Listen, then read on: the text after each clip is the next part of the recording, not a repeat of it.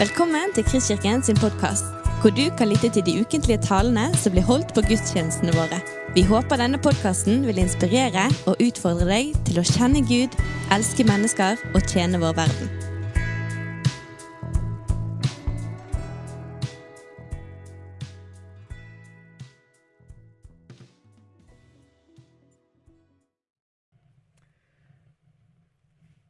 Da ber vi sammen. Vi vil prise og opphøye deg, Jesus Kristus. Det er så vidunderlig godt å få lov til å komme sammen. Vi er en søskenflokk. og Vi kan se på hverandre og minnes dette. Vi er skapt i Guds bilde. Hver eneste en av oss er skapt i Guds bilde. Vi kan se på oss sjøl, vi kan tenke inni oss sjøl. Jeg er skapt i Guds bilde. Jeg er elska av Gud. Jeg er så dyrebar for Gud at han aldri kan slippe meg. Og det er hver enkelt av oss. Halleluja, Gud. Og alle de vi har rundt oss, de familien vår, Gud. Hver enkelt er skapt av deg og dyrebar for deg. Elska av deg med en fullkommen kjærlighet. Vi har fått barnekår på nytt i gjenfødelsen og du slipper oss ikke som dine barn. Halleluja. Ja, vi priser og tilber deg. Takker deg for menigheten, Gud. Takker deg at vi kan få kjenne ditt nærvær i menigheten. Til fornyelse og til helbredelse for ånd og sjel og kropp.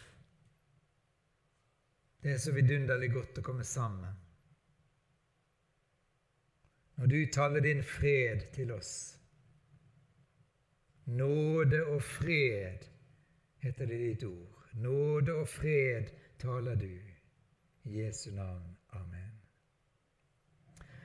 Og så hadde jeg gleda meg til å høre Leif Tore synge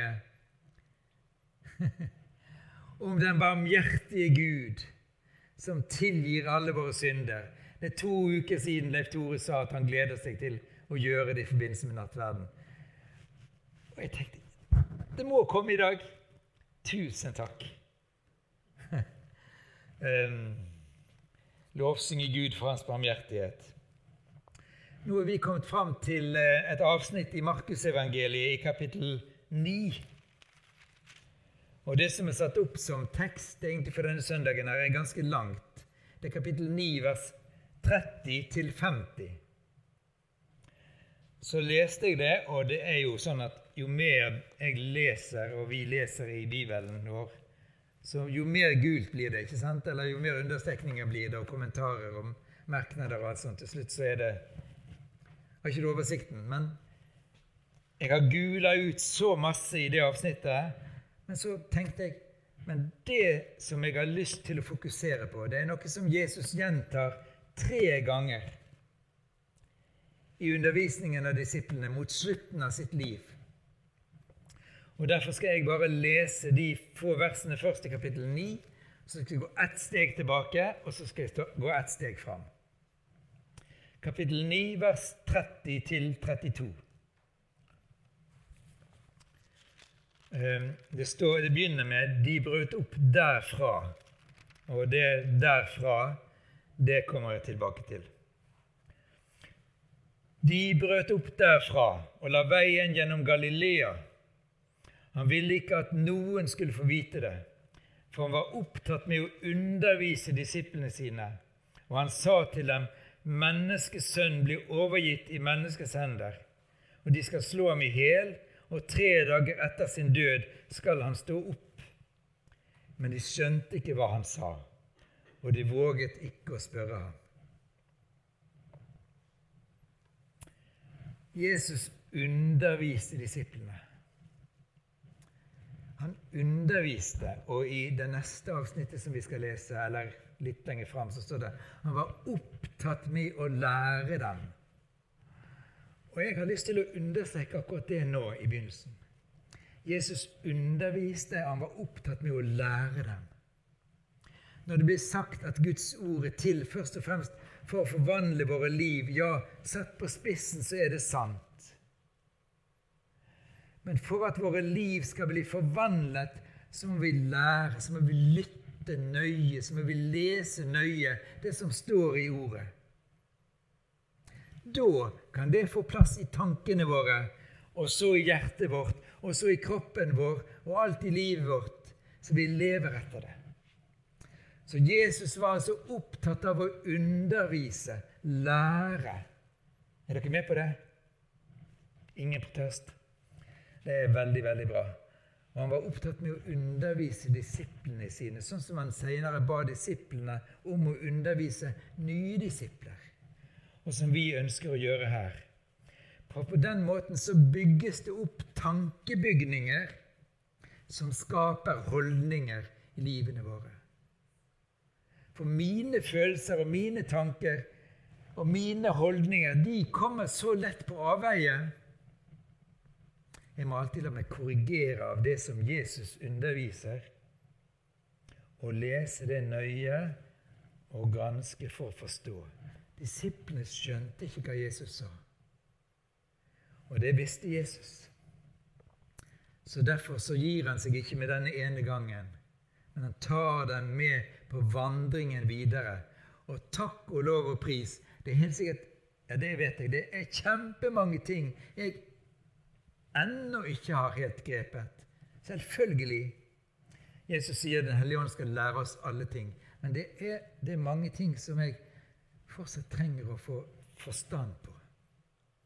Men Jesus han bare fortsetter å gå sammen med oss og undervise oss. Og han gjør det når vi leser Hans ord og lytter til Hans ord. Så står det altså at eh, de brøt opp derfra og la veien gjennom Galilea. Blar vi ett kapittel tilbake, og nå er det en veldig enkel pedagogisk sak her. Fordi at nå leste vi kapittel 9 fra vers, fra vers 30. Eh, Går vi ett kapittel tilbake, så finner vi nøyaktig de samme ordene fra kapittel 8, vers 31. 9.30, 8.31. Og går vi framover, så leser vi fra kapittel 10, vers 32. Så finner vi omtrent ordrett det samme fra Jesus. Bare et par setninger, og dette må ha vært kjempeviktig for han. Dette sier han til disiplene, men vet du, jeg tror faktisk at Jesus sier det seg sjøl også.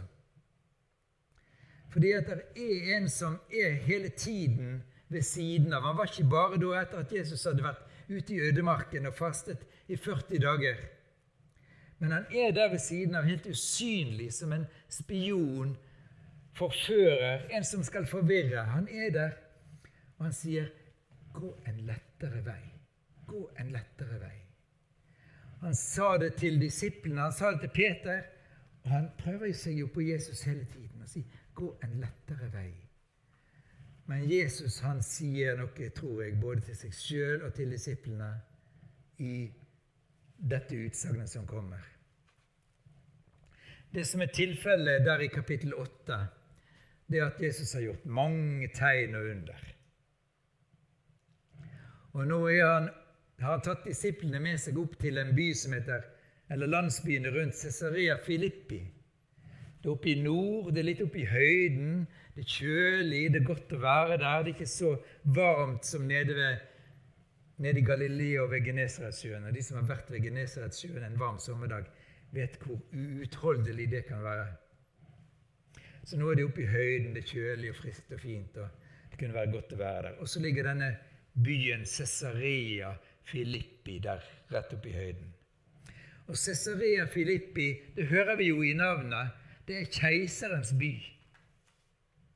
Den er gitt til keiseren. Skal, byen skal liksom være med på å ære keiseren, romerske keiseren, som har makten over land og riker. Så her er det keiseren som liksom blir den store opphøyde. Men så stiller Jesus et spørsmål til disiplene sine og sier Hvem sier folk at 'Jeg er', 'jeg er'.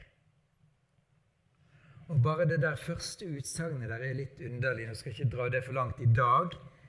Det skal vi ta seinere en gang, tror jeg, for dere som iallfall blir med på Timoteus-undervisningen. 'Jeg er'. Så i det utsagnet så presenterer Jesus seg på en Jeg tror ikke disiplene helt fattet det den gangen, men det er dette han sier 'jeg er'. Det er Guds eget navn. Javé. Og så begynner de å svare, og den ene sier det ene, og den andre sier det andre, om hva folk sier. Men så kommer jo dette clouet. Men hvem sier dere at jeg er? Hvem sier du at jeg er? Og da er Peter frampå igjen, selvfølgelig som den første, og sier, 'Du er Messias'. Du er Messias. Og husk nå hvor det er han sier det. Han sier det der i nærheten av keiserens by. Denne byen som ligger der og minner om at den romerske keiseren har makt over rikene. Det er keiseren som rår. Det er ikke disse småkongene eller, eller eh, religiøse ledere sånn som rår, egentlig. Det er keiseren. Så hvis keiseren bestemmer seg for noe, så står det fast. Og der skulle keiseren tilbes, æres. Der hadde han sine folk, sine soldater, sine embetsmenn. Men der sier Peter, og det er ganske frimodig, han sier, 'Du er Messias'. Og Messias, det er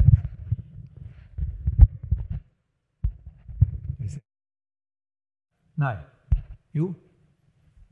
Nærmere. Messias, Israels salvede konge. Han som profeten har profetert om, han som kommer etter David. David som var en stor konge og rådde over et stort område. Ingen annen konge i Israel kunne måle seg med David.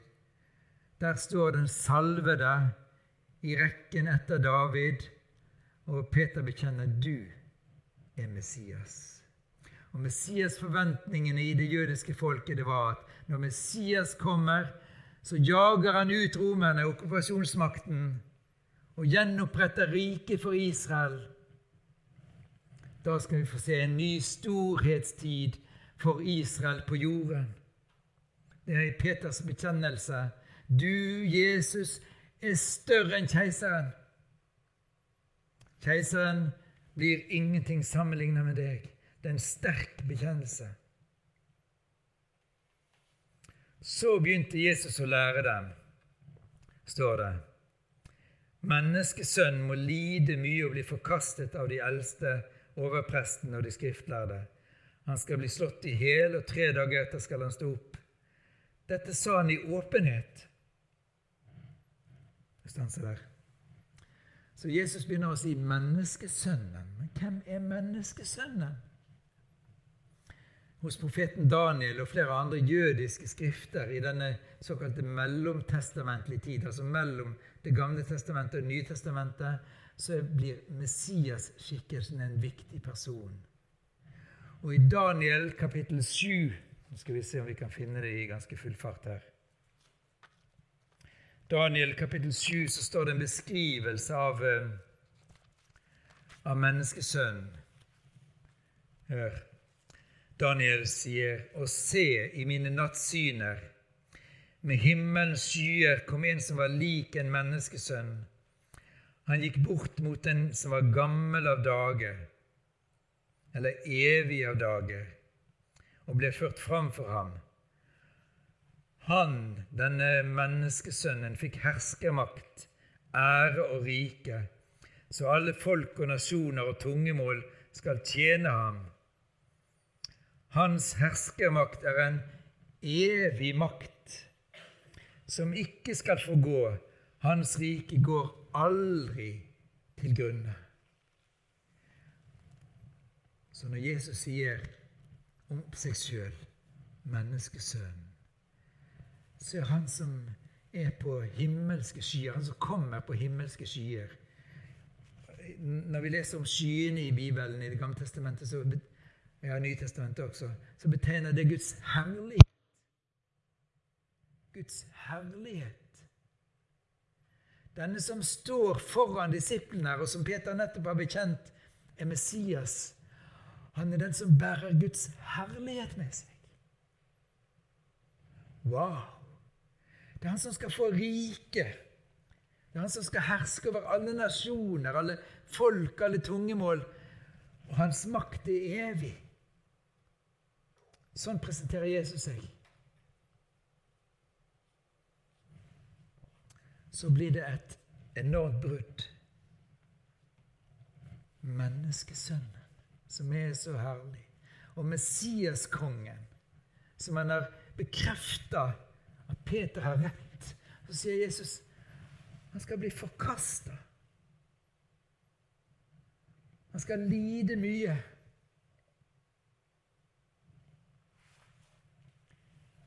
Det er bare så underlig. Han skal bli slått i hjel. Messias, menneskesønn det, det, er jo en sånn kontrast at det er nesten umulig. Det er svimlende tanke. Men det er det Jesus sier om seg sjøl. Jeg er menneskesønnen. Jeg får herredømme. Jeg kommer med Guds herlighet. Jeg skal være konge til evig tid. Men jeg skal lide. Jeg skal bli forkastet. Jeg skal bli slått i hjel. Klarer vi å gripe det? Jeg tror vi trenger en pause nå på skal vi si en time til å tenke og be. La det synke inn. Vi gjør jo ikke det nå, men, men altså det er, det, det er ganske utrolig. Jesus går fra det ene, den opphøyde, den evige med herskermakt, han som representerer Guds herlighet, til å fortelle at han skal lide og dø. Og egentlig er det ikke å undre seg over da at Peter tar Jesus til side og irettesetter han og sier 'Dette må aldri skje'. Hva er det du sier, Jesus? Det er jo helt sprøtt.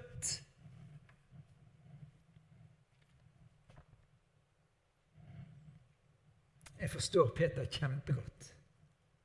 Det Jesus sier her, bryter fullstendig med den tids jødiske tanker om Messias og Daniels bok om menneskesønnen. Så Peter irettesetter Jesus. Men vet du hva Jesus gjør da? Han snur seg, og så ser han på disiplene og sier til Peter Det er nesten så vi ikke tør å lese det, men han sier, 'Vik bak meg, Satan'. Du har ikke tanke for det som Gud vil, bare for det som mennesker vil. Og når jeg leste disse ordene her igjen, så tenkte jeg vet du, at der disippelflokken er sammen, til og med sammen med Jesus, der går det altså en usynlig skikkelse ved siden av. Han lytter til alt sammen. Han er som en spion, men han har én en eneste hensikt, og det er å forvirre. Og Så arresterer Jesus han med en gang og sier, 'Vik bak meg, Satan.' Du har ikke sans for det som hører Gud til, bare for det som mennesket vil. Oh, så overvåkne vi må være.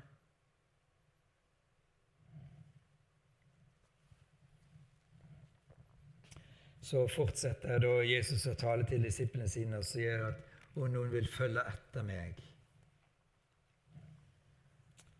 må han fornekte seg sjøl og ta sitt kors opp og følge meg. Men om noen vil følge etter meg, vil dere være med videre?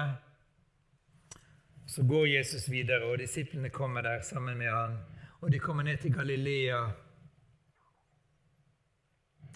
Galilea, Kapernaum, Genesaretsjøen, det var der Jesus hadde gjort masse under og tegn.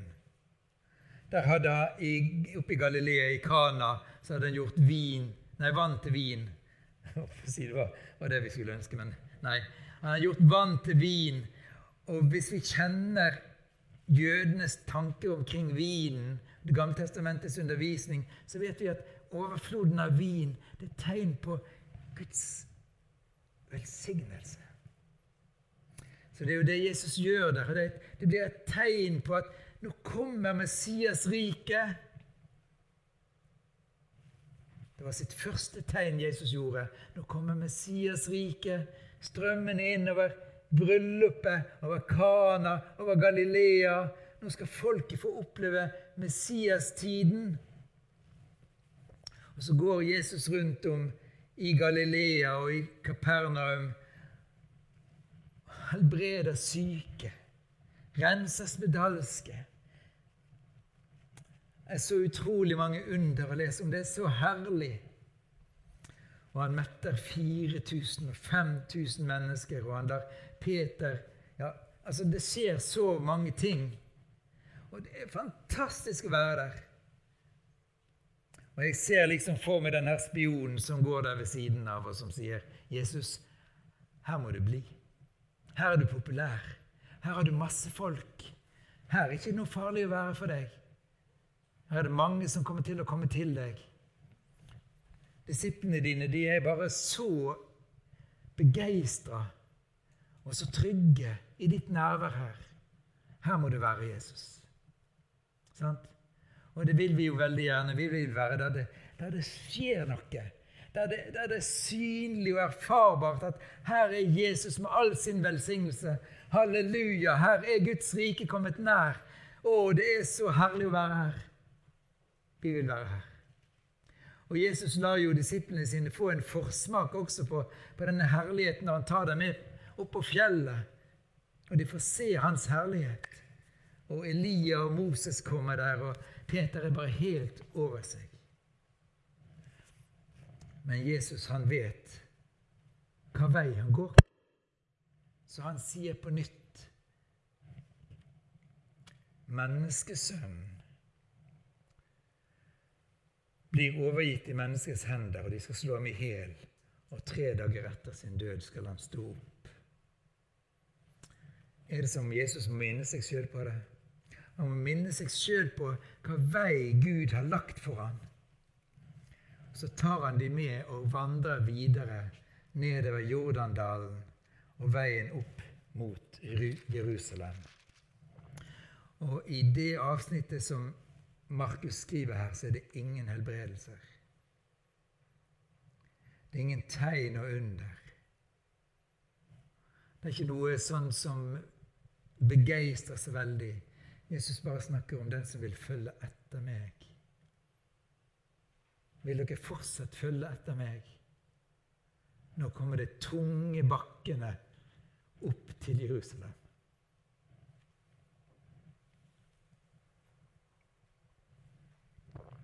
Er dere klare for å gå fra det stedet der jeg ble kjent, bekjent som Messias, der jeg omtalte meg sjøl som menneskesønnen, ned til Galilea slettene der, der det har skjedd så mye mirakler? Er dere klare nå til å gå dette siste stykket? Det blir tungt.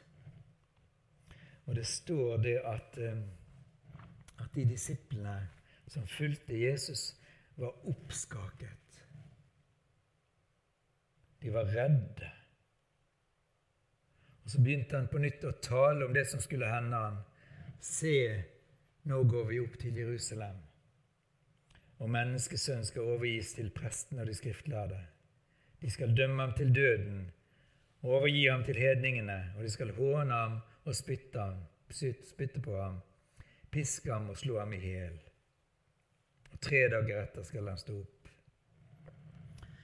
Der oppe i, ved Cesarea Filippi, med bekjennelsen av Jesus som Messias, så ble det bekjent at du er over keiseren. Du er høyere enn alle andre makter. Når du sier, 'Jesus, jeg er menneskesønn', så er det du som har makten over alle folk. Det er du som har herskermakt, og den skal være evig. Det er fantastisk. Men nå nå skal han overgis til religiøse ledere, til kongen, til romerske makten, okkupasjonsmakten, soldater. Nå skal han fornedres. Det er ikke mye, det er ikke mye Messias-verdighet. Det er ikke mye menneskesønns opphøyelse, sånn som vi kjenner det fra Daniels bok. Men det er det som må skje med Jesus. Å, halleluja. Han gikk gjennom det. Han hadde et mål for sitt liv.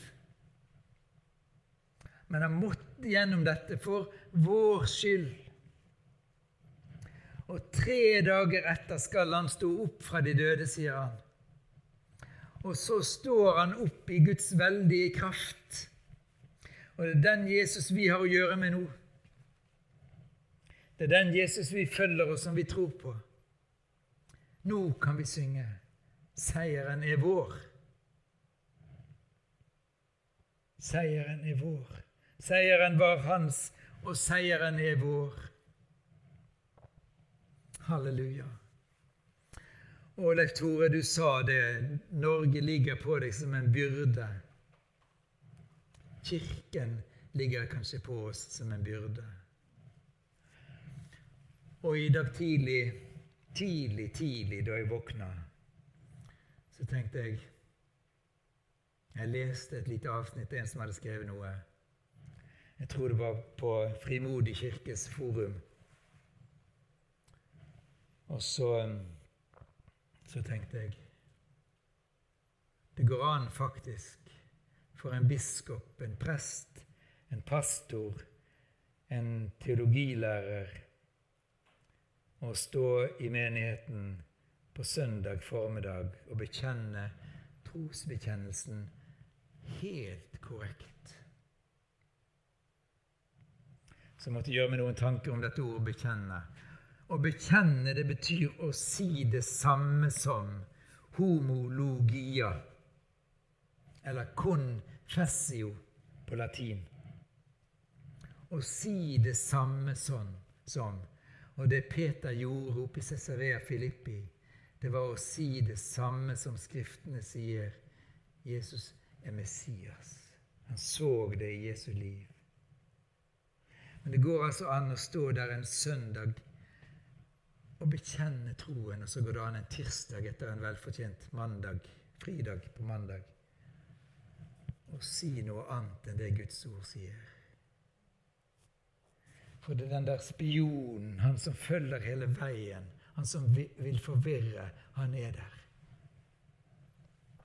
Og derfor, i mitt liv Jeg må lese Skriften på mandag og tirsdag og onsdag så Guds ord får fylle mitt sinn.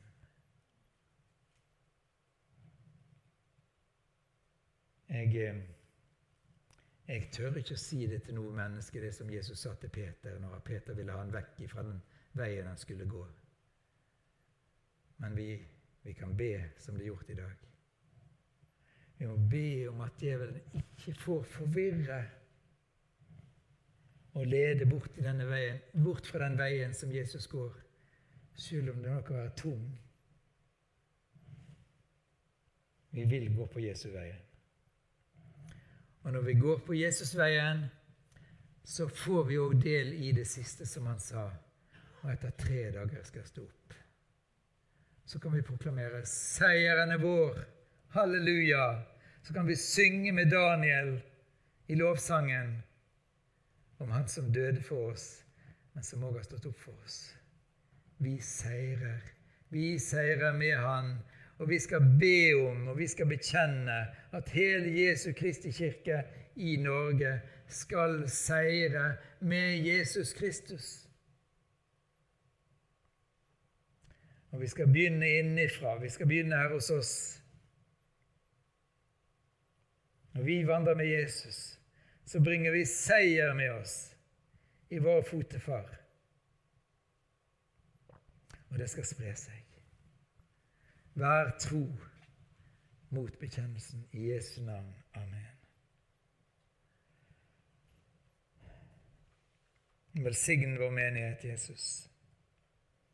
Velsign og bevare oss i ditt navn. Velsign og bevare din kirke, Jesus.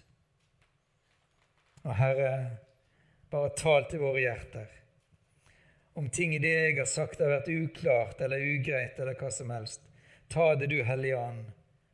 Korriger det. I Jesu navn. Amen.